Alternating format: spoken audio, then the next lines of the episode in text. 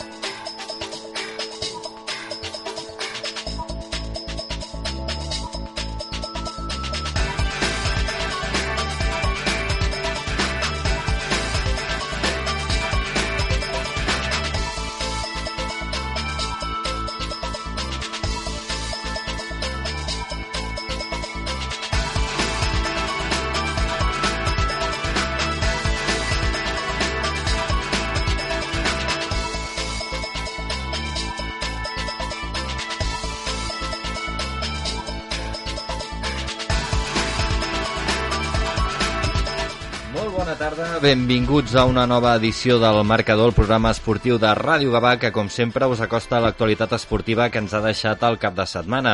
Hem estat unes setmanetes aturats eh, per causes de, de força major, eh, bueno, mm, baixes eh, de tant la meva com la del company Josep Antoni Moreno uh, però bé, sembla que ja estem recuperats i ja tornem a ser aquí amb tots vosaltres per, per acostar-vos, doncs, com deia, la informació esportiva que ens deixa cada cap de setmana. Un cap de setmana en el qual doncs, s'ha doncs, començat la segona fase d'aquesta segona catalana, aquest, uh, aquest invent nou d'aquesta temporada, la fase d'ascens, la fase de permanència, en la qual doncs, hi tenim els eh, nostres dos equips de la ciutat, l'Sporting Gavà i el Club de Futbol Gavà, eh, lluitant cadascun eh, per les, eh, pels seus objectius. En el cas del Gavà doncs, és per eh, eludir el descens i en el cas de l'Sporting Gavà doncs, eh, per continuar somiant, com sempre diu el nostre amic Lorenzo,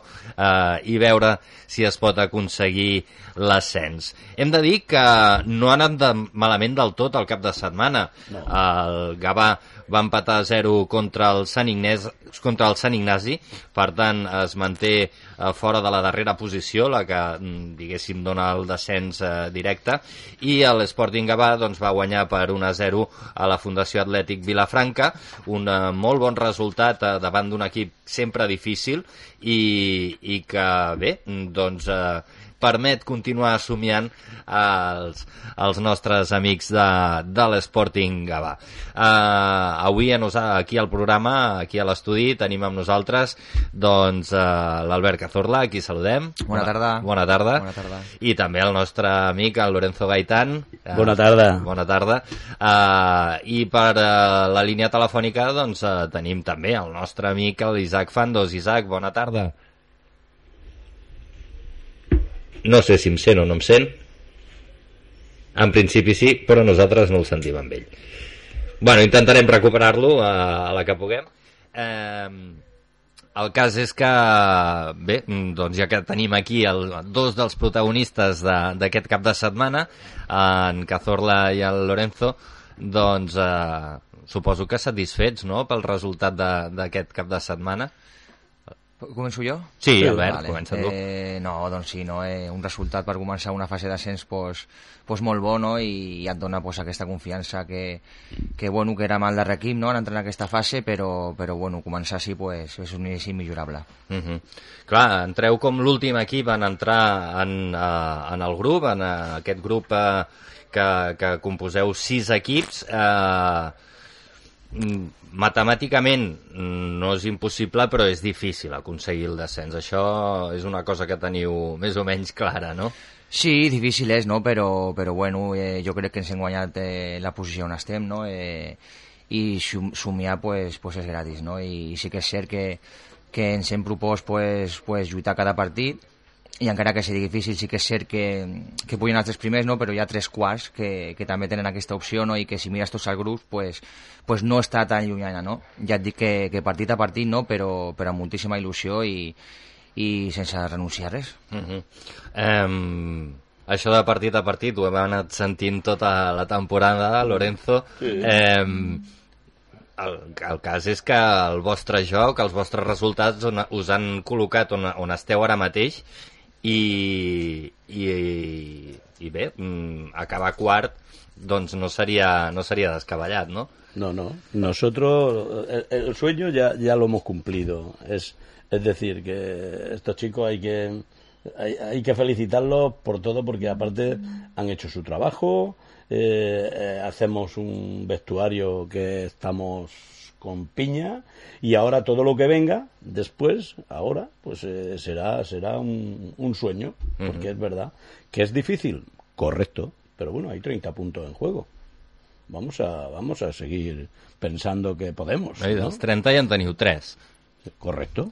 Sí, sí, no, no, ja ja et dit abans que començar així, així millorable. Mm -hmm. Clar, a més, eh, diguéssim, és com si comencés una altra competició, perquè mm, sí que ve doncs, amb el llast aquest de, de, del fet d'acumular de, de, de, bueno, de, de els punts de, de la primera fase, però, però clar, us enfronteu a equips que, que no coneixeu, que no us hi heu enfrontat durant la lliga regular, per entendre'ns. Bueno, en dos Sí. sí. d'ells sí, perquè sí. estan al nostre grup eh, i en tres no, però, però ja et dic que el bo d'aquesta fase és que tots, tots, tots són partits directes, no? I tu pensa que si tu guanyes com aquesta setmana, hi haurà uns altres que no.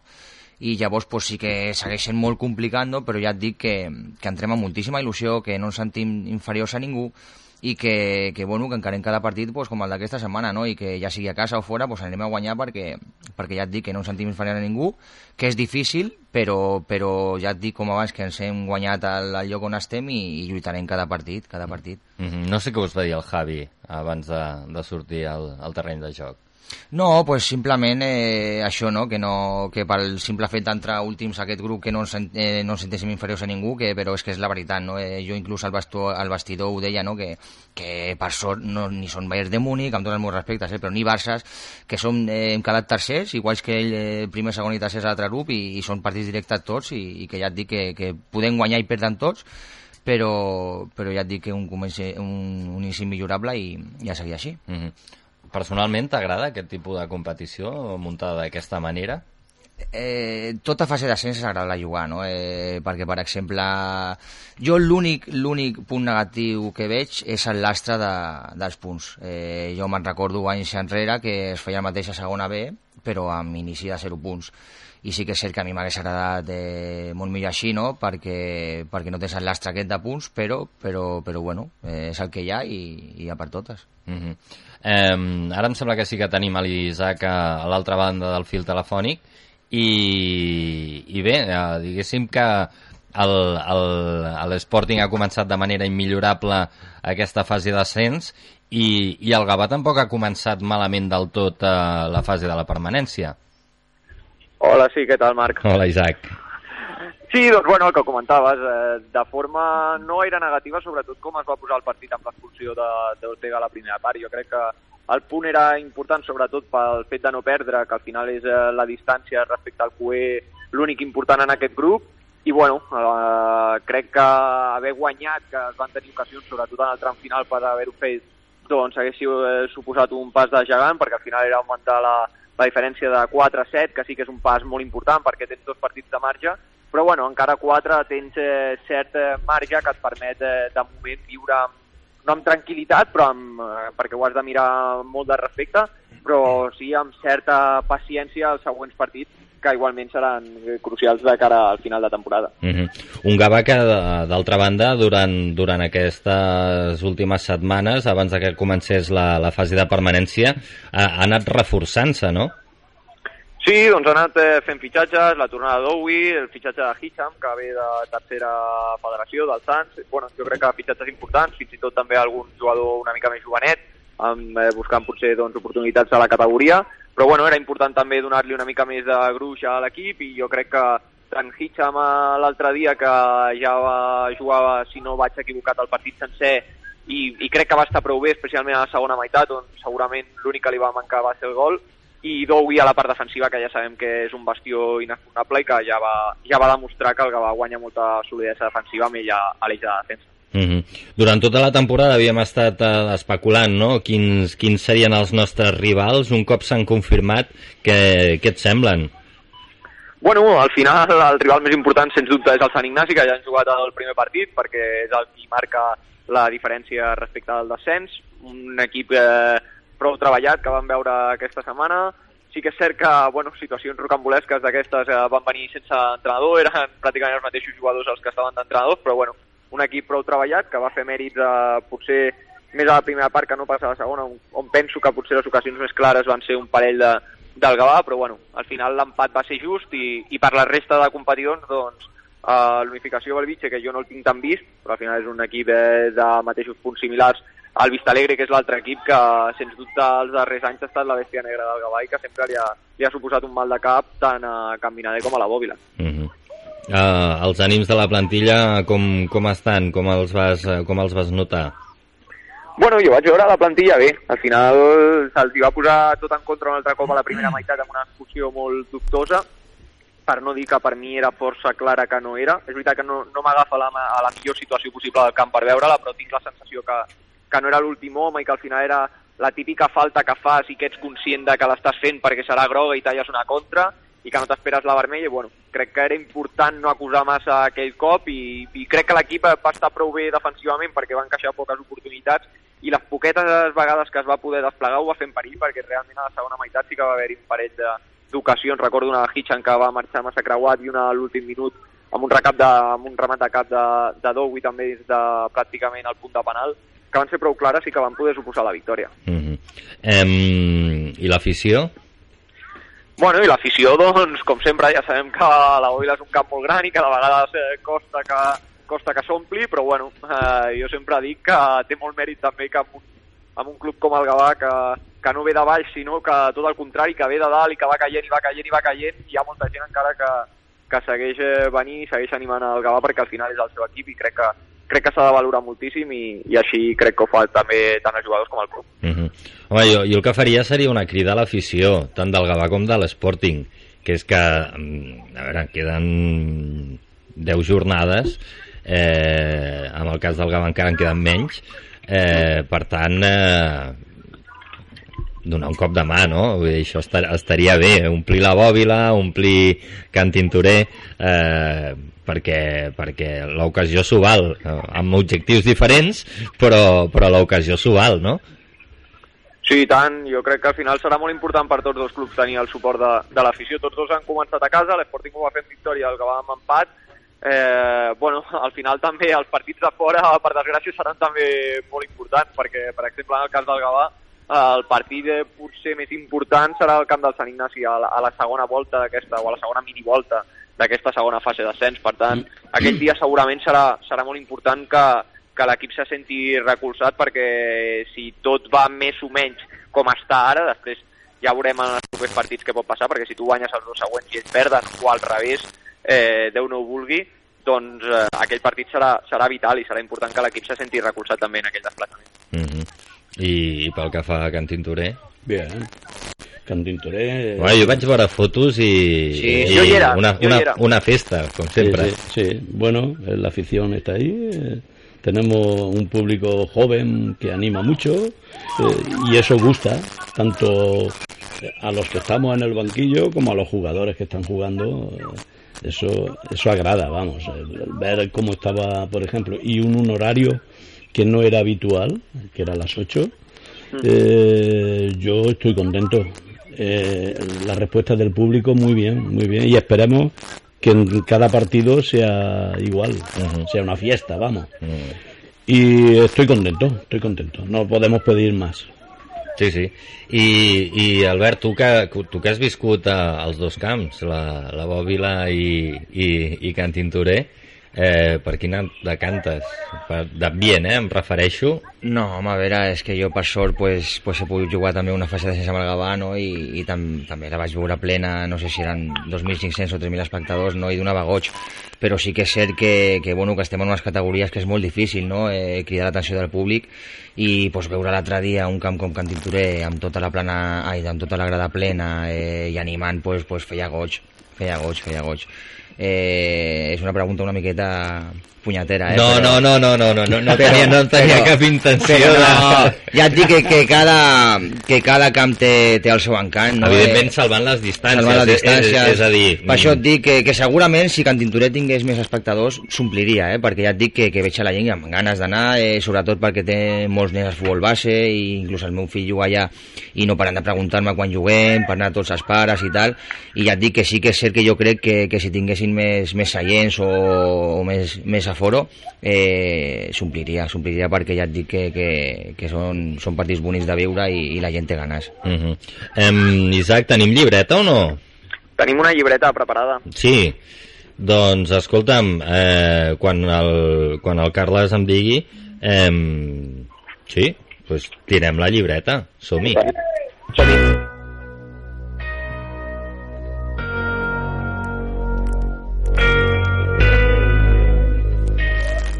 Doncs comencem eh, la llibreta, com sempre, amb l'apartat tàctic del partit, amb un, amb un 5-3-2 eh, més o menys, que va ser el que va plantejar el cos tècnic liderat per Jorge Sánchez a l'inici del partit. Eh, després es va haver de canviar amb un 4-4-1, que és el més habitual quan pateixes una expulsió. Jo crec que l'equip es va sentir còmode amb tots dos sistemes. És veritat que mm, amb 11 contra 11 potser li va mancar generar alguna oportunitat més, però també és cert que amb aquest tipus de partits on t'hi jugues tant en els primers minuts normalment són més de tanteig. El segon punt ni que li dono molta importància, doncs el que ja deia al principi de refer-se bé d'una expulsió, quedar-te amb 10 i sobretot quan estàs en una situació delicada com la que pateix el Gavà, sempre és difícil i en, en aquest eh, cas, en aquest partit, l'equip va estar prou bé, va ser, em va semblar un equip eh, prou madur, prou ben treballat tàcticament i que crec que no va acusar tant l'expulsió com es podia, es podia preveure. El tercer punt, doncs, les poques ocasions. Al final va ser un partit eh, on sabien tots dos que una victòria era un pas de gegant, però una derrota era molt, molt important. Si el que va per dia es posava un punt només per sobre del descens i ja ben jugat amb el, amb l'equip que té darrere en el seu camp i el Sant Ignasi sabia que una derrota li posava la salvació a 7 punts. Per tant, era molt complicat eh, per tots dos eh, afrontar aquest partit, sobretot jo crec a nivell mental i a nivell de nervis. Per tant, es va veure un partit de poques ocasions, però un partit for, força entretingut i força competit. El quart punt, doncs, els contracops que jo crec que va fer bé el Gavà a la segona meitat. Eh, tinc, tinc la sensació, perquè no el tenia tan vist a Hisham, que és el davanter centre que ha firmat el Gavà, doncs que quan el vaig veure em va donar la sensació potser d'un punt més de, de referència, de quedar-se a les pilotes, però eh, pel que l'hem vist en aquest primer partit em fa més la sensació que és un davanter que es troba més còmode amb espais, intentant córrer a les esquenes de les defenses, i a partir d'allà jo crec que va créixer el Gavà a la segona meitat. A la primera crec que va buscar massa intentar tirar-li pilotes eh, més planes, que anessin més al pit per intentar que se les quedés i jugar amb els homes que venen de segona línia. I crec que la segona part va interpretar millor l'equip el fet d'intentar jugar per sobre de la, de la defensa, intentar atacar les esquenes dels centrals i a partir d'allà crear, crear més perill i fer més mal. I jo crec que, que l'equip ho, va, ho va entendre millor, a partir d'allà es va generar l'expulsió del jugador del Sant Ignasi que va equilibrar el partit amb el 10 contra 10 i també les millors ocasions pel Gavà a la segona meitat. I el cinquè punt, doncs, eh, l'enllaç una mica amb els tres anteriors i és quedar-me una mica amb el final que va fer l'equip. Jo crec que quan tots dos eh, ja donaven mig per bo l'empat, les millors ocasions en els últims 10-15 minuts van ser pel Gavà jo crec que això també s'ha de valorar i s'ha de trobar s'ha de trobar l'explicació en, en la fortalesa de, de l'equip que va demostrar que hem de sorprendre, sobretot a nivell mental. Havies de jugar un partit molt complicat davant de la teva afició en una temporada en la que les coses potser no estan sortint tan bé com, com s'haguessin esperat a principi de temporada i l'equip al final va estar molt a prop de la victòria. A més, eh, el fet de jugar eh, més de 60 minuts amb un menys, eh, crec que li havia al Sant Ignasi aquest plus físic en els darrers minuts i no va ser així i el Gavà va quedar-se molt a prop de la victòria i va sumar un punt que és prou interessant per encarar aquesta recta final de la temporada. Vi dico qua noi siamo super classico E riempirei di mazzate quel tuo nuovo ragazzo Che è un coglione cala Doncs amb aquesta cançó superclàssico, no? Uh, sembla que es diu. Uh, Mhm. Isaac, uh, has, has Sí, sí. decidit fer la, la llibreta. Per què has triat aquesta cançó? Perquè m'agrada. Molt bé. Doncs perquè, em, I perquè Josep Antoni, que m'han dit que no està, li agrada, la, sé que li agrada la música italià. sí que hi és, sí que hi és. Ah, sí que hi és? Sí que hi és, Doncs sí, endavant, home, sí, endavant. sí, sí. Ah, Doncs Sí, espero sí. que li hagi agradat la meva tria musical. Sí, estic, estic segur que sí. Eh, si no, hi hagués vingut a dir alguna cosa, però jo em sembla que, mm, a veure, poques cançons que estiguin cantades en italià li han, li han de desagradar. Mira, Mira, tu si hagués escollit una que no li agradés. ima imagina't. Què passa, que no hi era? Que hem triat eh, una cançó en italià per la llibreta. Ah, sí? Quina? És superclàssico. d'hèrnia. Ah, bé, bueno, correcte. Mm, veus? No, no és... No, no, no, no és la morte mia, però bé, bé. Veus? No, no és el que més li apassiona del món, però, eh, però veus? Però es valora positivament eh, cançons en italià. Ah, es valora sempre, sí, el Josep Antoni sempre valora positivament les San Remo i tot això. Ah, exacte, home, evidentment, evidentment. um, un cap de setmana aquest, eh, que no, no hi havia futbol de, de primera divisió, però sí que hi havia la Kings League, que, que no sé si, si, si això... Porteu a que algun dia per discutir, que avui hem discutit per Twitter. Clar, a, a, a, això us volia dir. Jo sé que tu es- estàs molt a favor de la Kings League, que ho trobes algo fantàstic com a espectacle i tal. I jo el que li volia era preguntar a, a l'Albert, a Bueno, veure... pues sense anar més enllà i vaig estar 8 hores al Camp Nou, o sigui que imagina't. Vale, doncs tenim un Sí, altre, sap- sap de què va. un altre fan No, no sé de què va i, i la veritat que és un format que, que, que m'encanta, que, que em diverteix eh, i sí, jo sí que sóc seguidor, sí que sóc Mm. seguidor, sí, sí, sí. I el Lorenzo? Jo també. Tu també? Sí, sí. Bueno, él ya lo sabe. No, jo, jo és que ahir, ahir vaig estar... Si, si no heu tingut oportunitat de fer-ho, eh, podeu fer, eh, no és per fer publicitat de- d'altres cadenes, però ahir es va fer un 30 minuts especial sobre la Kings League. I... No va, és que, però clar, no va tenir molt sentit que el 30 minuts, perquè jo el volia veure i m'hagués de veure avui, el, el van fer contraprogramant la final. Sí, perquè la, la final es, es va donar en fals directe. Es va donar en fals directe, però clar, el 30 minuts crec que era a les 10, veritat? Eh, sí, més o menys, més Sí, o clar, i menys. va contraprogramar la final que comen va començar a tres quarts de 10, em sembla, més o menys. Sí, sí, sí, sí, sí. Um, Sí, sí, sí, més o menys, sí, sí, sí. sí. Vull dir, jo sé que a, a la televisió tu veies el 30 minuts, acabava el 30 minuts i començava la final. Entre, entre Barrio i... Aniquiladores. I Aniquiladores. Eh? Em, cap jugador conegut al Barrio? Mantovani, que és el que va marcar els dos gols, havia jugat al Leganés a primera. Sí. Bueno, i José Juan, el porter, que era aquell Sí, sí, sí, que va sí, eliminar sí, el sí. Madrid a la Copa. Sí, sí. El Collano, no? Era, em Sí, sembla? Correcte, sí, sí. Eh, sí, sí. Però... Però clar, vull dir, la, la, la... Jo, jo recomanaria a la gent que veiés aquell, aquell reportatge que es va fer perquè explica molt bé el, el, la cosa en si. Vull dir, no, Jo el tinc pendent, el tinc pendent. no, no, no sé, vull dir, pel que vaig veure jo, eh? Jo, jo haig de dir que no he tingut el cos com per seguir gaire la Kings League aquests últims mesos, em, però, però bueno, no ho veig incompatible. Tot i que hi havia, hi havia van entrevistar aficionats del Júpiter, per exemple, que bueno, rajaven de la Kings League mm, d'una manera tremenda perquè hi havia jugadors que, clar, Sí. a la mateixa hora pues, estaven jugant a la Kings League. Eh, Sí. que, que és algo que, que, bueno, això potser s'haurà d'acabar d'ajustar, no? O... Jo, jo t'explico... Bueno, que expliqui l'Albert i després... No, és, sí que sé que per futbol català és una mica inconvenient, no? perquè hi ha molts jugadors de primera catalana, segona catalana, i sí que és cert pues, que des del desembre no, pues, han tingut que compatibilitzar, però jo sí que és cert que per defensar-los que, que, a veure, eh, jugar al Camp Nou eh, davant de 92.000 espectadors no es pot fer cada dia. Mm. Llavors, pues, sí que és cert que, que durant tot l'any, per exemple, jo tinc un exemple a l'equip, que és que Hidalgo, que, que està jugant a la Kiss League, i durant tot l'any ha jugat eh, pel matí amb nosaltres i per la tarda allí. Eh, I jo crec, sincerament, que el nostre entrenador, eh, si s'hagués classificat per la final, no hi hagués hagut ningú problema. Perquè és el que et dic, és una cosa que es viu una cosa a la vida i jo entenc els clubs, no? Eh, però, però bueno, si em poso en la situació dels dos, pues entenc una part i entenc l'altra, però, però clar, eh, qui ha jugat al amb 92.000 espectadors? Mhm. Molt poca gent, no? Pues, sí. pues és una cosa que, que, bueno, que és un cap de setmana, que jo puc entendre el club, però, però que no han sigut tots. Llavors, pues, en aquesta d'això pues, has de fer una miqueta. Mm. Yo lo veo bien, ya te lo dije en su día.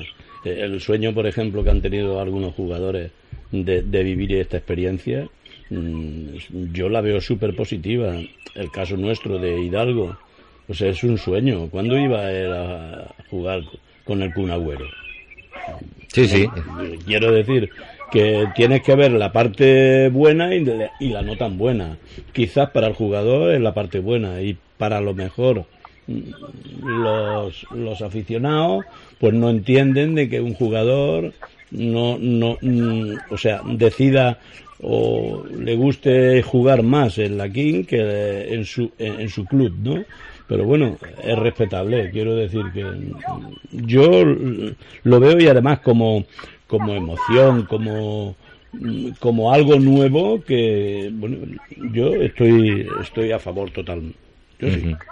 Jo t'explico dues anècdotes, Marc, si vols. Vinga, endavant, per això estem. Mira, t'explico dues que crec que es reflexen molt bé eh, el que és l'equip o, o com està calant. La primera és que, bueno, ahir ja em va passar també, però més encara el dia del Barça-Madrid estava jugant la Kings l'últim partit, que era l'última jornada i es decidia qui, qui passava a les eliminatòries finals. Mm. Hi havia l'últim partit que era Aniquiladores contra Pio. Jo estava anant al Barça-Madrid i just a l'entrada, quan entrevisten la primera del carnet, jo el tenia posat perquè quedaven 10 minuts i estava veient el partit segurament, si no em van preguntar 30 persones allà en la montonera aquella com anaven i no se'n van posar 25 persones a sobre meu veient el partit al mòbil, no se'n va posar ningú. O sigui, era una cosa brutal. I això just quan anava a començar el Barça-Madrid. De fet, vaig entrar dins i tothom encara em veia amb el mòbil i em preguntava però com van, com van, qui ha guanyat? O sigui, això em va semblar bestial, no, o sigui, no ho entenia. I l'altre, per exemple, també, és que, per exemple, eh, nosaltres els dimecres tenim un camp de... o eh, hem d'entrenar amb una matera a un camp de futbol sec, que bueno, això és per tema d'espais i tal. Però nosaltres en aquells dies, per exemple, el tram final de- d'entreno sempre fem triangular per, entre nosaltres i ara amb això de la Kings League que s'ha posat tant de moda, tothom ho veiem i tot, sempre fem doncs, coses d'aquestes de les cartes o fem els penaltis de si un partit queda empat fem penals des del mig del camp, o sigui que tinc la sensació jo amb tothom que parlo que o ho veu o tothom sap de què va i molta gent ho veu. Mhm. I jo pensava quan va començar que, bueno, que seria una cosa que tindria cert seguiment, però no em podia imaginar, i jo crec que ni ells mateixos es podien imaginar No, no. fins al punt que, que ha arribat. Jo crec que No, no, és, de- és de- espectacular. De fet, mm, ahir mateix el, el, el reportatge aquest ho, ho deien així, vull dir, bueno, es pensaven que, bueno, sí, tindria certa repercussió i tal, la borrada aquesta, que els dos milions d'espectadors eh, arreu pic. del món. De pic, eh, 15 milions de Twitch. Sí, sí, una passada. Saps? Vull dir, clar, és és una cosa... Clar, llavors, mm, clar, pot, potser el, el, el que ens porta a pensar és si, si tot això és, és incompatible amb el, amb el futbol, eh, diguéssim, de, de les nostres categories, que són categories... I, i, i si això, eh, o, o al contrari, o fins i tot jugadors que han estat jugant a la Kings League i que formen part d'un equip que juga doncs, a segona catalana, a primera catalana, doncs pot arrossegar a que, a que hi hagi algun aficionat de la Kings League que digui, ostres, doncs mira, aquest diumenge me'n vaig a veure pues, a... Ha passat, una- ha passat, ha passat ja. Sí. Això passa, segur. Ha, ha passat, ha Sí, passat sí. ja amb Edgar Álvaro, amb Cristian Ubón, eh, ha passat. Eh, no són els mateixos espectadors al camp del Sants i al camp del Rubí que fa tres mesos, ja t'ho dic ara, segur. El que, jo, el que jo em pregunto i la reflexió que jo crec que, que jo crec que va per aquí és al final aquesta gent amb el que està fent no sé, no sé quin futur tindrà i si aguantarà aquest nivell o pujarà o el que sigui però si aconsegueixen seguir amb aquest tipus de repercussió generarà molt més ingressos que qualsevol equip de tercera federació qualsevol equip de segona federació llavors Sí, el que sí. jo m'arribo a plantejar és arribarà un moment en el que la Lliga pagarà més que equips de segona federació o primera federació i hi haurà jugadors que renunciaran als seus equips de segona federació o primera federació i s'aniran a jugar a la Kings League perquè, Jo- arri- arriba un moment que et paguen 1.500 euros i pots viure d'això, doncs te'n vas a la Kings League i deixes el teu equip de tercera. Jo crec que, que si la cosa segueix així, el que dius, jo crec que sí que hi haurà jugadors que, que, bueno, que prefereixin jugar a la King League pel simple, pel simple fet de que, de que serà el seu treball.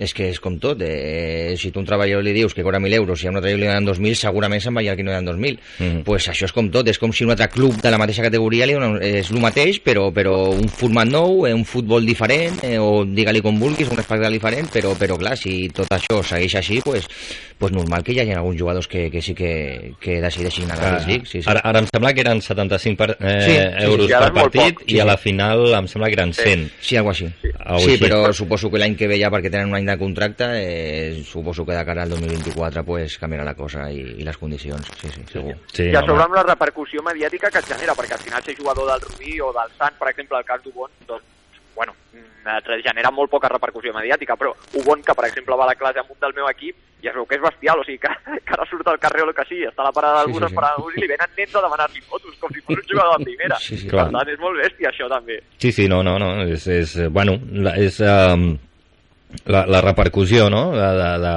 de, de tot plegat, de, de, de veure's a, arreu del món, el seguiment que té, i, i tal. Ara, jo passar-me 8 hores seguides veient futbol. A mi m'ha costat, Bueno, que a futbol no hi va haver-hi 8 hores És, és, seguides. és que és espectacle, cosa. és espectacle. Això Clar, sí, sí, sí. És espectacle. És que és, és, és una mescla de tot, que suposo que per això agrada tant a la gent eh, i, su- i a les generacions joves, perquè sí que és cert que a lo millor pues, ara aquesta generació un partit de 90 minuts li costa, li costa perquè hi ha molts parons, etc etc. i aquest format que s'han inventat pues, pues és, és que és pur espectacle, és que no, no, no pares si vas guanyant 4-0 i encara no has guanyat, eh, perquè pot passar mil coses, eh, i jo que, que ho he vist i pues és que sí, t'enganxa, t'enganxa perquè és que, és que passen coses cada, no cada minut, cada segon. Uh -huh. Presentaràs el càsting de cara l'any que ve o què? Tinc una edat ja, eh? Jo no sé si estic ja per... bueno, ahir, ja, ahir hi havia gent que, diguéssim, xavalets, xavalets no eren, eh? Sí, no, però, però si vull jugar, si vull seguir jugant una miqueta a futbol, eh, el cos no sé si, no sé si donarà. Prefereixo, però no m'agrada a mi molt eh, cridar l'atenció, o sigui que... Bueno, eh, Isaac, deies alguna cosa? No, que li deia que es presentés al draft de, de l'any que ve per Bueno. anar-hi. Todo s'andarà, Isa, todo s'andarà. Home, home, aquí tenim, tenim presidents eh, aquí a Gavà, ex-Bayer. Equip gabanenc a- Clar, vull dir, tenim equip gabanenc, diguéssim.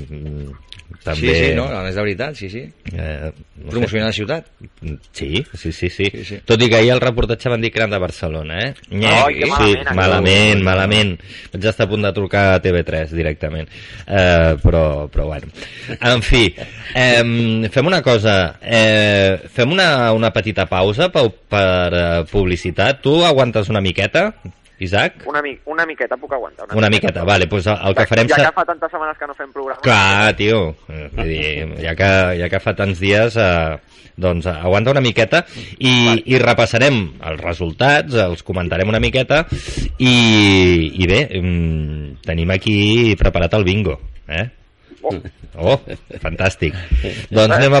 Ja parla, parlarem de l'últim pernil d'Eric Gavà, que no l'he tastat encara. Ja fa Ja, bueno. que se'l van portar. A mi- a mi em sembla que mm, ja ni, ni pel caldo queda. No, em sembla que tampoc. Sí, como los morancos.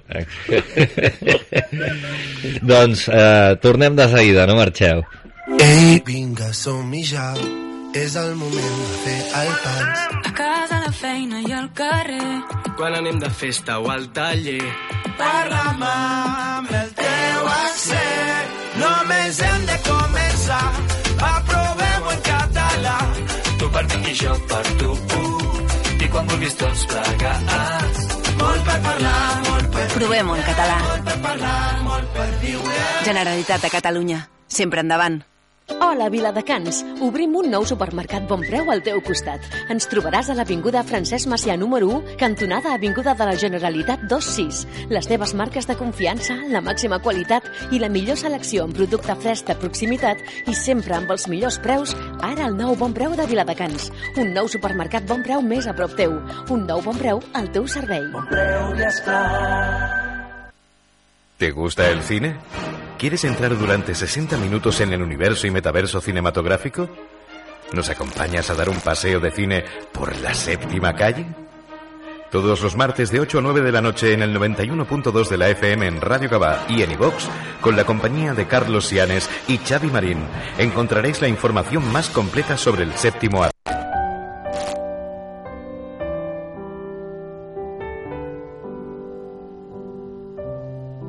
Novedades y estrenos en salas de cine, las mejores bandas sonoras, clásicos, estrenos en televisión y en plataformas, series. No te pierdas. La séptima calle.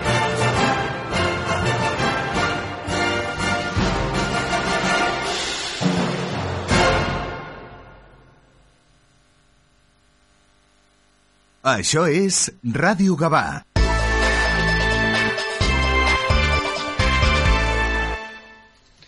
Doncs eh, ja tornem a ser aquí i, com dèiem, eh, anem a repassar els resultats eh, dels grups en els quals estan eh, doncs, situats els equips gabanencs. Pel que fa a l'Sporting Gavà, eh, en, el, eh, en el seu grup eh, per l'ascens, eh, Cubelles 1, Sant Ildefons 0, Gornal 0, Sitges 0 i Sporting Gavà 1, eh, Fundació Atlètic Vilafranca 1, 0. Amb aquests eh, resultats, eh, líder el Sitges amb 47 punts, eh, empatat amb el Gornal, que és segon amb 47 també, el Cubelles és tercer amb 45, eh, quart el Fundació Atlètic Vilafranca amb 39, cinquè el Sant Ildefons amb 36 i sisè l'Sporting Gavà amb 35.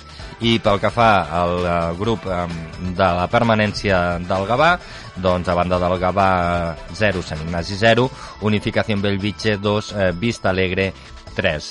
En aquest cas, la classificació la lidera l'Unificació Bellvitge amb 29 punts, el Vista Alegre és segon amb 28, el Gavà tercer amb 24 i el Sant Ignasi és quart amb 20. Classificacions més curtetes, eh, ja sembla això una cosa de la Kings League, eh, gairebé, eh, Isaac, però, però, però el que sí que està clar és que doncs, eh, a l'Sporting doncs, està a només 4 punts eh, de la quarta posició que, que marca ara mateix l'Atlètic Vilafranca i que, i que el, eh, el Gavà doncs, també està només a 4 punts de, del Vista Alegre. Isaac, l'hem perdut? Doncs pues l'hem perdut. Eh, no ha aguantat la, la publi.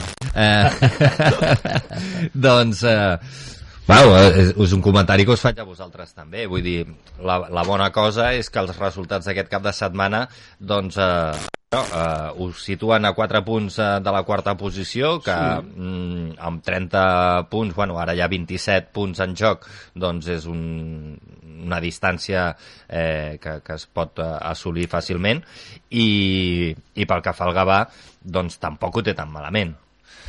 No, eh, més o menys eh, estem en la mateixa situació, no?, de punts. Eh, jo crec que si el Gavà ho fa mig bé, pues, s'acabarà salvant. I, I nosaltres sí que és cert que, que encara tinc dubtes perquè, si no vaig errat, eh, el Cubell li tenen que popular, em sembla que va... I si no vaig errat, em sembla que li tenen, li tenen que restar 4 punts. Llavors pots canviar la cosa perquè, perquè es, es, si no, em sembla que es posarien 41 punts, no? I ja et dic, encara, nosaltres encara en queden 9 jornades, que són molts punts, i com he dit abans, són partits directes cada setmana i que poden passar moltes, moltes coses encara, moltes Mhm. coses. Clar, és curiós, eh? La federació eh, com tard en prendre les decisions i aplicar-les, vull dir, és que clar, vull dir, comença, comença ja la, la, la, la segona fase i, i, i I no surt el està. Exacte, no saps ben bé on, on, on està no, situat. no té sentit perquè la regla és clara, eh, inclús jo crec que la federació ja va dir, i el Cubell es va assumir el seu error, em sembla si el seu entrenador va, va sortir parlant que el i tal, però clar, entrem a la segona fase, no hi resten els punts, pues, pues no ho sé, no ho sé, però, però ja et dic que, que el reglament, si no vaig errat, era en el punt que van aconseguir el partit i tres de sanció. O sigui a veure, no sé què estaran fent, però molt millor per tots que, que quan abans eh, restin o el que passi, pues millor. Sí, sí, no, perquè vull dir, qui més qui menys fa les seves càbales amb els punts i, i tal, Bueno, i, que- i, i, i, claro. i encara que sigui de, de, cara a veure la classificació, no és el mateix veure que tens dos equips, un dels quals és el tercer, que, que el tens només a 4 punts, Sí, sí, sí. Que, que veure la 10. Sí, sí, sí. Per això et dic que, que jo em pensava que, que com va ser a falta de tres jornades per acabar la fase regular, que ja entrarien a la segona fase amb la resta de punts, però, però jo em sembla que no han restat res encara. Bueno. Bueno, que no ho sé. Bueno, coses de federacions, tampoc, Doncs, eh, tampoc em sorprèn. No, no, no. no. El de la federació, sí, tenim clara una cosa, és que no hi ha res que ens pugui sorprendre. No, res, res. Ja lo ves. res. Ni federació, ni arbitratges, ni decisions de, de, de, de, de competició, ni, ni, ni de res. Eh, Però bueno... De los árbitros ni hablar. Ni hablar. No se puede hablar. Ui, que, que avui m'he enterat de que n'hi ha un de la Kings League que ja ha dit que ja plega. Sí, ha dimitit. Sí, sí, ha fet un comunicat, el Titos. Sí, que, bueno, no, es veu que no li, ha, no li ha sentat gaire bé, no, no està pitant la final. Bueno, en fi, és igual. pues per no o no veure-la, t'enteres de tot, eh? No, no, no, però, però clar, jo, això és l'algoritme, que, la, que comences Sí, a sí, buscar sí, coses sí, sí. I, i et surt al mòbil tota la Sí, sí, informació sí, sí, i, i, i tu coneixes tot, però... En cinc minuts. Però, bueno, eh, bueno però una, una altra cosa que té la Kings League és que vull dir, la Kings League no s'acaba amb els partits. Vull dir, igual com aquí fem tertúlia de, de, de l'Sporting i del Gavà Sí, sí, sí. Eh, doncs a la Kings League, tu imagina't amb els presidents allà cada dia al plató i Dient tal. coses, sí, sí, bueno, Eh, i muntant el show. Eh, propera jornada. El eh, Gavà rep el Vista Alegre i, i vosaltres eh, visiteu la, el camp del Sant Ildefons. Sí.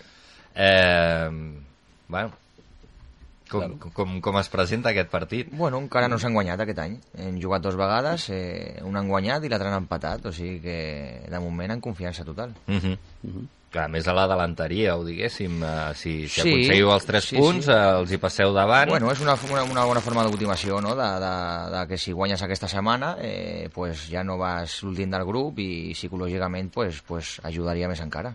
Uh -huh. Isa Isaac, has tornat, oi? Sí, ja m'han recuperat, no sé què havia passat. Bueno, coses, coses de la tècnica. Sí. Em, a- arribes al moment just. Per què? bueno, perquè ara estàvem comentant que el proper partit doncs el Gavà rep el, el Vista Alegre i que, i que l'Sporting visita el camp del Sant Ildefons. Eh, tu com veus aquests eh, dos partits?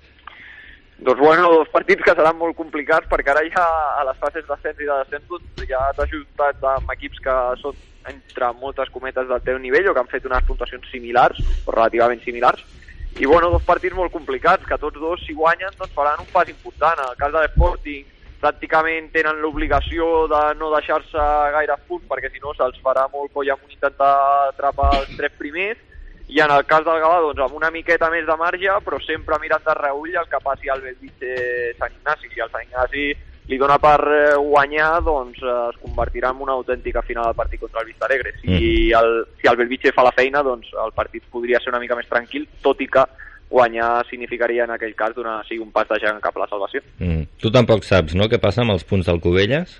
Que ho estàvem comentant mentre tu estaves a... He a l'èter. desistit dels temes, dels temes federatius. Vale, vale. pues mira, gairebé com nosaltres, eh?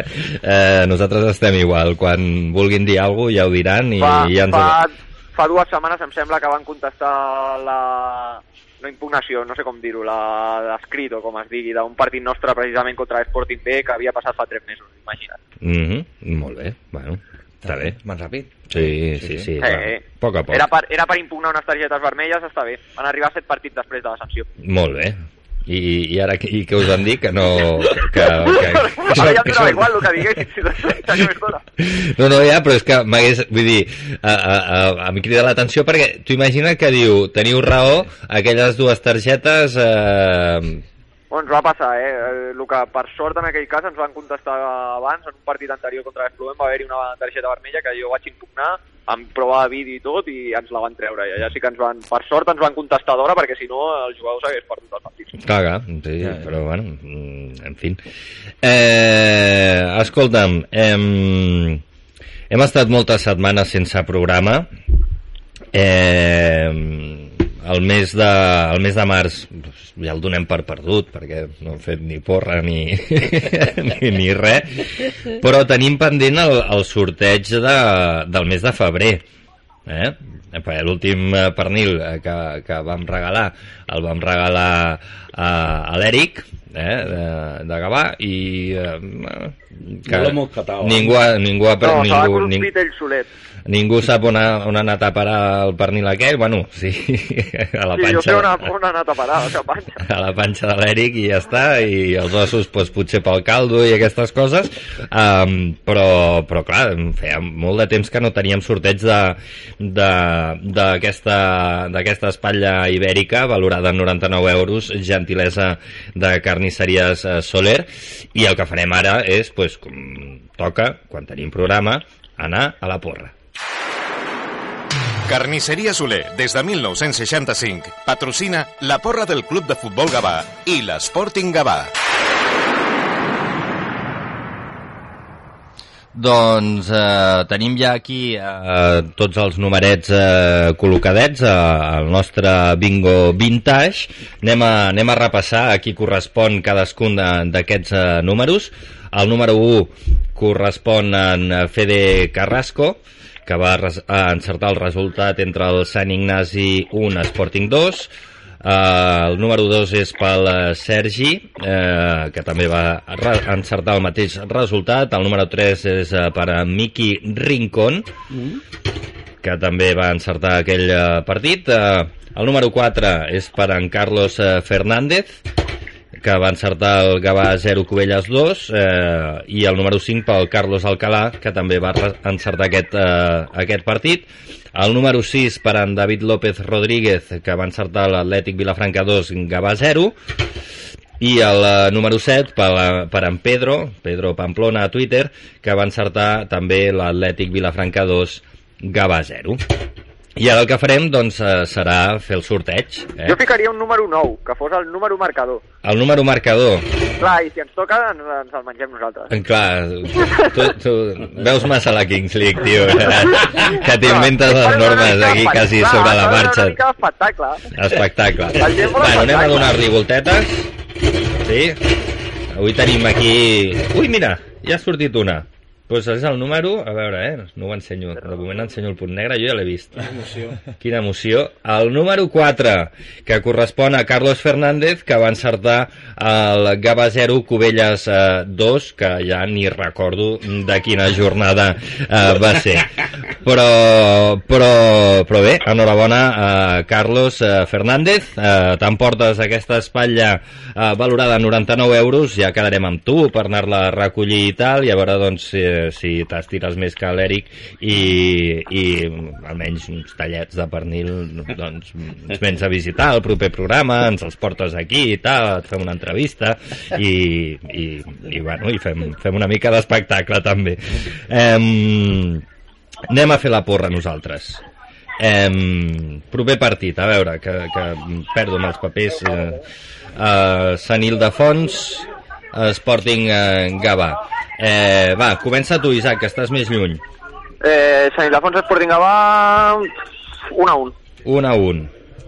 Vale. Eh, a veure, Eh... Sant Ildefons Sporting Gavà. uh -huh. Vale. 0-2. I tinc informació, eh? 0-2. Tinc informació, eh, al Cubelles ja li han tret el punt. El que passa que la federació Uh -huh. considera que... Considera per esto només li treuen un punt. Un punt. Sí. Per tant, en té 44. Sí. No, em sembla que ja li han tret i tot. Ah, que ja li han tret i Sí. tot, o sigui que té els 45 Sí. que li correspon. Per lo que em diuen, sí. Vale. Eh, L'última hora, com sempre, a Ràdio Gavà, al marcador, eh, informant de... A veure si demanem un equip de la Kings League, eh? Eh? Podríem demanar un equip de la Kings League. Sí, sí, sí, home, jo, jo, Que fos un equip. tu, jo et faria de pressi a tu, Isaac. Oh, a mi m'agradaria fer de pressi. Sí. Sí? O no, o més d'entrenador, jo d'entrenador. D'entrenador, Jo pues fa, pressi. faré, faré jo de president, va. Vale, vale. va. Está bien puesto, ¿eh? ¿Eh? Que está bien puesto. Sí, sí, sí, Isaac, Isaac yo creo que tiene contactos. Yo Home, creo... a la Kings tinc contactes. A l'altre jo que trobo a la Kings League, sí. Veus, veus? Eh, bueno, pues ja parlarem, Isaac. Sembla bé. Eh, Lorenzo, eh, Sporting. El Sporting, sí. 1-2. 1-2. No, Lorenzo, que no nos marca, hombre. Jo 0-1. Vale. Serveix. Serveix. Sí, sí. I pel que fa al Gavà, que doncs rep el... Vista Alegre. Vista Alegre, correcte, sí. Eh, gràcies eh, per l'apunt. Eh, vinga. Isaac, Uh, 0-3. 0-3. Déu-n'hi-do, eh? Tio. Apuesta fuerte. Sí, és sí. a Gavà, no? El partit. Sí, sí, el partit és Ah, a vale, Gavà. vale, vale, vale, vale, dic. Sí, sí, sí. Jo 0-3 guanya el Vista Alegre. Vale, vale. Eh, Segur, Isaac, no? ¿Eh? Jo, jo intento sempre intentar agafar-lo. A veure si ho agafo. i ja està. Que Fa, fa la contraporra, no? Clar, sempre. Eh... ¿Vaig jo? Sí. Vale, pues no, a l'Eloi se li dona bé sempre el camp del Gavà, eh? Jo diré un Ja. 0-2. És que, és que això és veritat. 0-2. Vale. Lorenzo. Yo. Un 2-3. Un, dos, tres. Sí, Marc, Marc, digues que perd també. Tothom que perd. A veure si així, jo què sé, guanyem. Què fem? El, el, el gafe inverso? Claro. Clar, clar, ajuntem-ho tot. Eh, va, doncs jo poso un 0-1. Vale? Hòstia, no ho he fet mai, això, tio, em sap greu i Va, tot. bueno, però ens hem, ens hem d'abocar ja el que sí. Em sap greu i tot, tio, em sap greu i tot.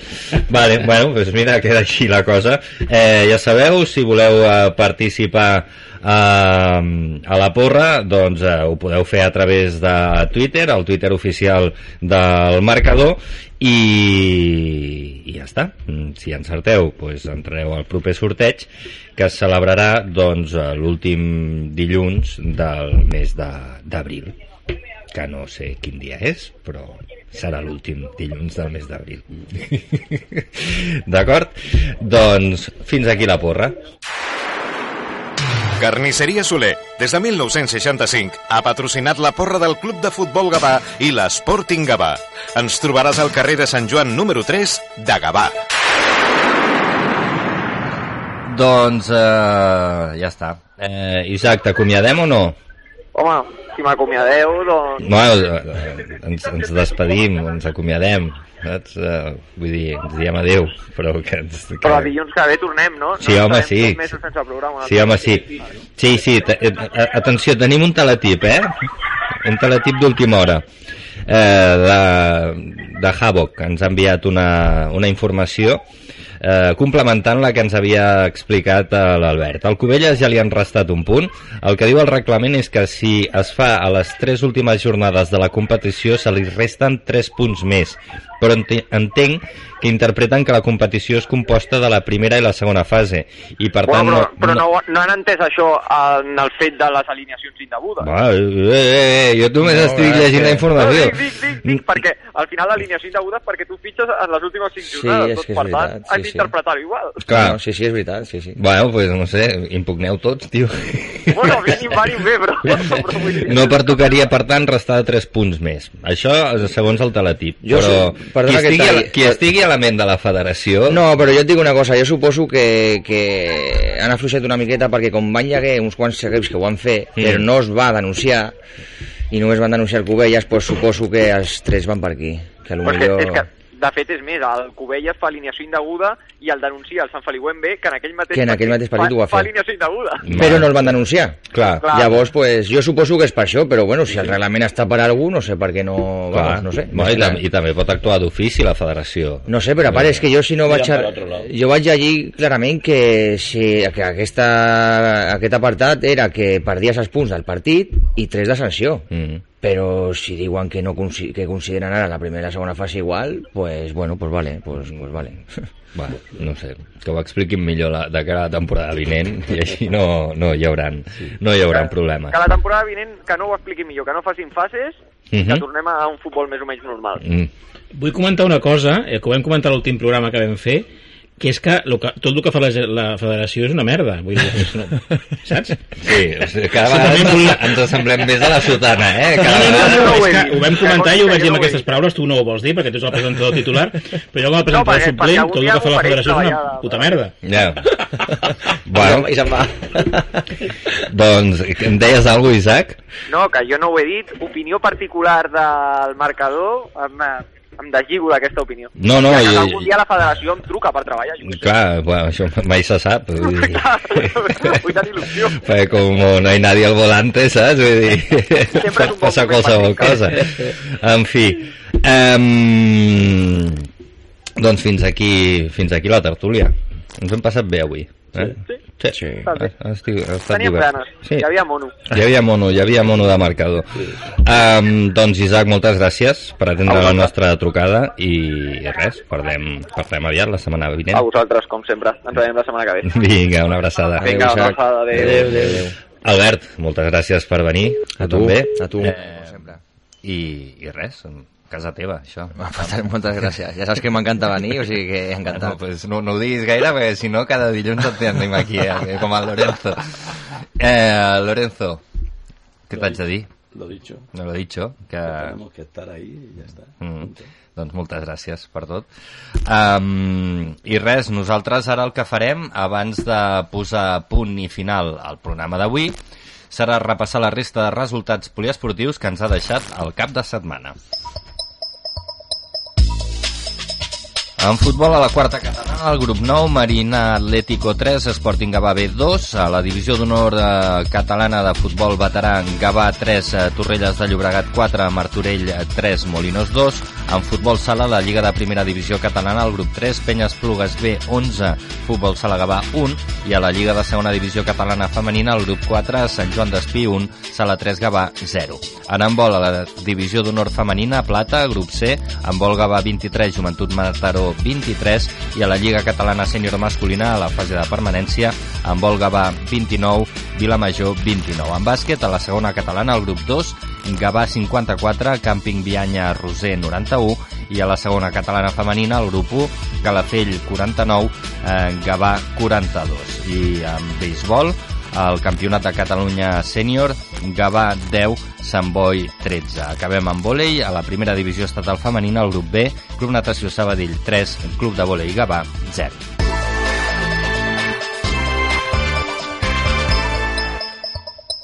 Doncs ara sí, arribem al final eh, del programa d'avui. Moltes gràcies a tots vosaltres per la vostra atenció. Gràcies també al Josep Antoni Moreno, que ha estat a la producció, al Carles Cianes, que ha estat als controls eh, tècnics, i, com deia, a tots vosaltres que ens heu escoltat durant aquesta estoneta. Nosaltres, eh, si tot va bé, ens retrobem dilluns de la setmana vinent, com sempre, a dos quarts de vuit del vespre. Fins aleshores, que vagi molt bé. Adéu-siau.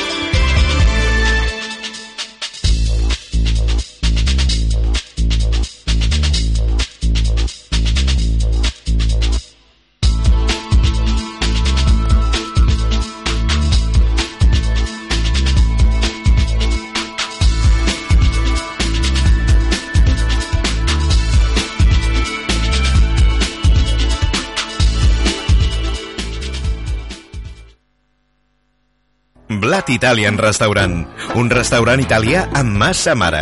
Vine a provar els nostres plats, pizza, pasta, antipasto i molt més.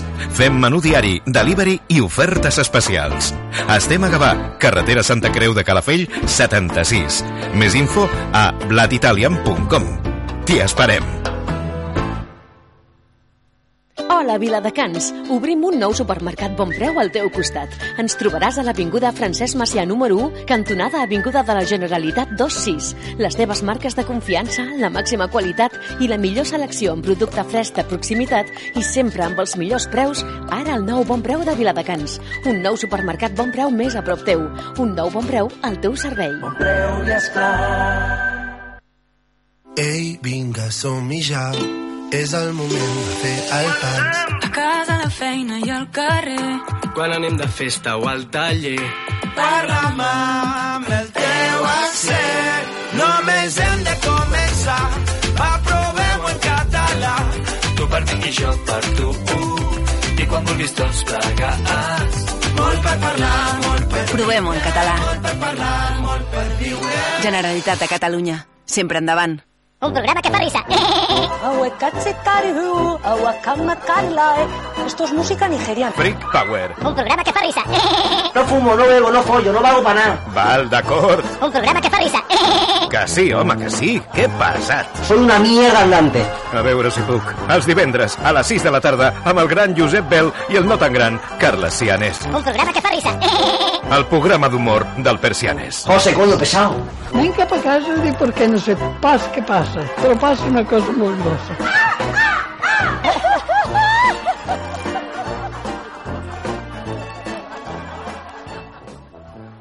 Quan els teus peus demanen sofing però el teu body vol popping, demana't un globo de Cinesa. La família reunida a la taula més divertida amb un globo de Cinesa. Si ets fan dels buckets de crispetes cruixents i dels combos hot food, de nachos, pizzeles o fingers, demana el teu menú Cinesa a l'APP de Globo i assaboreix Cinesa des de casa.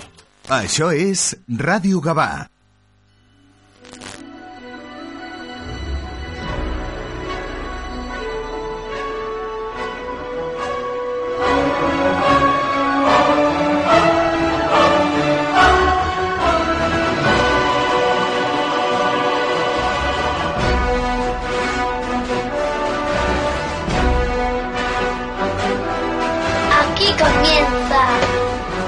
Fantástico.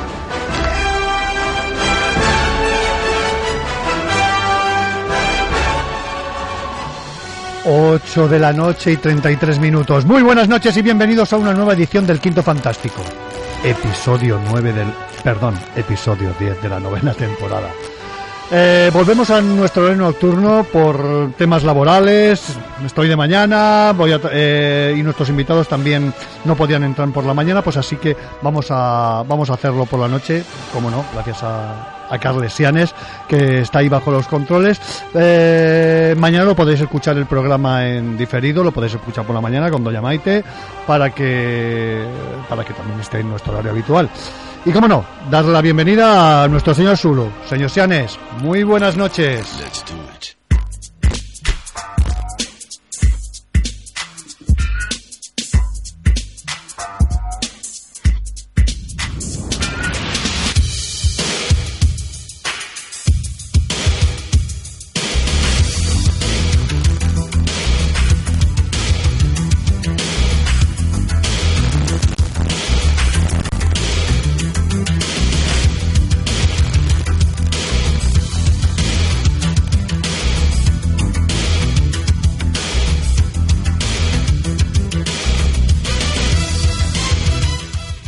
Hoy tenemos un programa bastante variopinto. eh, dos temas bastante diferentes, dos libros que nos entusiasman, cultura pop, cultura musical, de las que nos- no nos vamos a, a- nos vamos a dar eco, por supuesto. Eh, en primer lugar tendrá su bautismo de fuego Anabel Vélez y Marina, alias Moixonada, autoras del libro Roqueras de la A a la Z. Muy comiqueras las dos. Yo no me lo perdería, eh, porque creo que nos van a dar mucho juego. Para después entrar con nuestro gran, con nuestro amigo, con nuestro, con nuestro compañero de aventuras, eh, dijo que volvería con una segunda parte de los temas de viajes en el tiempo. Esta vez va a ser aventuras en el tiempo. Y cómo no, lo prometido es deuda. Aquí está, Do Pastor nos traerá aventuras en el tiempo. Ya se sabe que con Doc la aventura y el entretenimiento está garantizada. ¿Queréis acompañarnos? Pues tomar asiento, tomar un buen café, una infusión. Si estáis haciendo la cena, poner a todos los críos ahí en posición para, para que nos puedan escuchar.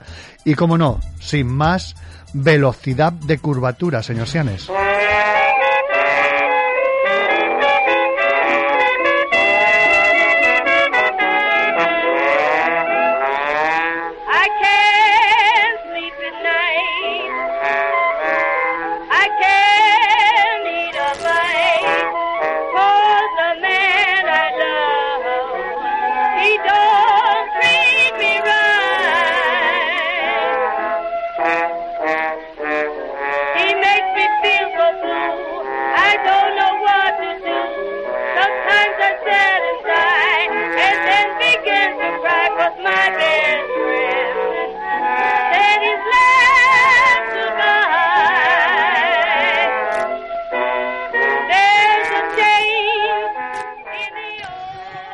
Bajo las notas musicales de Mami Smith, vamos a tener nuestras dos invitadas y van a tener su bautismo de fuego aquí, en el Quinto Fantástico.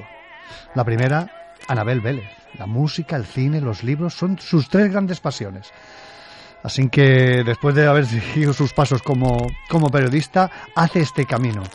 Eh, desde hace más de 10 años escribe sobre la cultura, disfruta con ella y haciendo sobre todo todos estos libros. Es inquieta, eh, colabora en revistas, eh, colabora también en programas musicales de radio. ¿Qué más se puede pedir de Anabel entonces? Anabel, muy buenas noches y bienvenida al Quinto Fantástico de Radio Gabá. Muchas gracias por invitarme. ¿Qué tal? ¿Cómo estamos? Pues bien, contenta con el libro. Bueno, hombre, el libro, bueno, vamos a hablar con él y vamos a escuchar también, si os parece bien, vamos, escucharemos algunas cancioncitas. Perfecto. En el otro lado de la vía telefónica tenemos, tenemos a Marina, alias Moixonada, ilustradora, sus- tiene Instagram y Twitter. Tiene pinta, tiene pinta de ser muy comiquera, con trabajos como Anatomía de una despedida y, eh, Destino inevitable de Arlene Retweet. Yo creo que ahí es, empieza su carrera y creo que todavía es bastante joven. Bueno, no nos dirá la edad, como buena mujer que es, pero bueno, intentaremos sacársela poco a poco. Marina, buenas. muy buenas noches y bienvenida al quinto fantástico de Radio Gabá. Gracias, encantada. ¿Cómo estamos? Muy bien, aquí. Oye, espectacular el libro y bueno, primero, eh, en primer lugar, a las dos. Oye, eh, ¿es la primera vez que trabajáis juntas en un proyecto así como este? Sí, 100%. Venga. Te acabo de conocer a Anabel. Anabel, tú. Sí, sí, es la primera vez que trabajo con, con Marina, muy sonada, y espero que haya muchas más. Eh, ¿Te has sentido a gusto, Marina, ahí con, en, este trabajo? Yo me llevo una bastante sorpresa. Ahora te diré. Venga, dime, ¿te has sentido a gusto? Yo he estado genial con Anabel, yo creo que hemos sido súper cómplices en, en todo este tema y, y bueno, a mí me ha encantado dibujar sus textos, incluso leerlo en primicia todo, porque también soy muy musiquera, soy muy melomana, entonces yo he estado súper bien con Anabel. Oye, Marina, ahora que te tengo, primero te voy a preguntar antes de, de meternos un poquito en el, en el, en el libro. Eh, he, estado, he estado viendo ahí la presentación en Gigamés eh, que hicisteis. Una aventura también de viaje en el tiempo. Eh, bueno, es el libro que hice con, con Javier Agud, el de El destino inevitable de una de, de Arlene Revetruit. Y, y bueno, muy bien. Como, eh, eh, bueno, veo que tocas también un- to- todos los temas, bueno, a ver, todos los temas, en el sentido de musical, así fantasía, como podemos de- deducir de viaje en el tiempo, ¿no? Claro, a- bueno, yo a mí me encanta cambiar de, de ámbito constantemente, o sea, eh, si no me estoy moviendo por todos los ámbitos parece que, que me quedo estancada, así que aunque siempre mi tema recurrente es la música y volver a la música, yo a mí me encanta explorar cosas nuevas, siempre. Ujú. Anabel, esto es como, esta es la segunda parte de Roqueras. Bueno, no, es más bien una, una adaptación de Mujeres del Rock, su historia, el, el libro anterior que hice de música, que era pues un libro de historia del rock con las mujeres como protagonistas y esto es como una adaptación ah, ilustrada. Roqueras era más como una guía básica y este de personajes y este, aunque los personajes son muy importantes, también hay un, recorrido histórico, ¿no? Porque empieza el libro en los años 30, 40 hasta la actualidad, ¿no? Que me interesaba también que se viese la evolución de las mujeres en el rock a lo largo de la historia. Sobre todo, yo, mm, a mí me encanta porque, eh, a ver, haces un repaso de, mm, de la música de las rockeras, como tú bien las denominas, y para el lector, lo de la A a la Z no se vaya a pensar que, que es que dice, es que voy a, voy a empezar con todas las que comienzan o que, eh, que su nombre musical empieza por la A, después las de la B. No, no, es un calificativo que tú les pones. Sí, sí. Cada capítulo es, pues, A de artífices, B de, bueno, pues, sí, Billie Holiday y las de las otras chicas del jazz. O sea, es como un leitmotiv, pero luego para luego incluir a muchas otras artistas que no su nombre no necesariamente tiene que empezar por la letra del capítulo que, que protagonizan, ¿no? Ujú. Oye, Marina, eh, sobre todo habéis tenido, yo creo que todavía has tenido un trabajo, ya te digo, no, no, yo creo que eres muy joven, muy joven, muy joven, y has tenido que tener un trabajo, mm, bueno, Sí, espe- espectacular de documentación para, porque no es aparte de retratar, creo, a, bueno, de dibujar, perdón, a, a todas a todas las artistas, es también plasmarle ese sello de identidad que, que tienen todas ellas, ¿no? No, sí, sí. Yo, yo obviamente cada vez que, que me ponía a ilustrar una, artista siempre me ponía una playlist con sus canciones para un poco meterme también en su mundo y poder plasmarlo bien, mm, pues en, en cada capítulo un poco. Pero, eh, a ver, no sé, por ejemplo, tenías aquí, eh, por ejemplo, el primero que es Mamie Smith, después te vas a con Billie Holiday, todos sus problemas. Yo, por ejemplo, tienes aquí la, tenemos aquí la, el dibujo de Billie Holiday con un cigarrillo que, y una mirada así hacia un lado y creo que nos lo dice todo, ¿no? Con, con... 100%. No, sí, sobre todo Billie Holiday creo que fue de las primeras que hice, en la que quise plasmar 100% un poco la melancolía que, que transmite, ¿no? Tanto sus canciones como su historia. Y qué menos. Sí, sí, es, es que es muy, me- es muy de esto. ¿Y cuándo, cuándo de- de- determináis la, la posición? Bueno, yo creo que al entrar tú, el decir, no vamos a meter ninguna foto, vamos a hacerlo todo como un cómic, porque, a ver, es un libro, pero es un cómic, ¿eh, Anabel? Sí, bueno, desde el principio era un libro ilustrado, no iban a haber imágenes, eh, retratos de verdad, ¿no?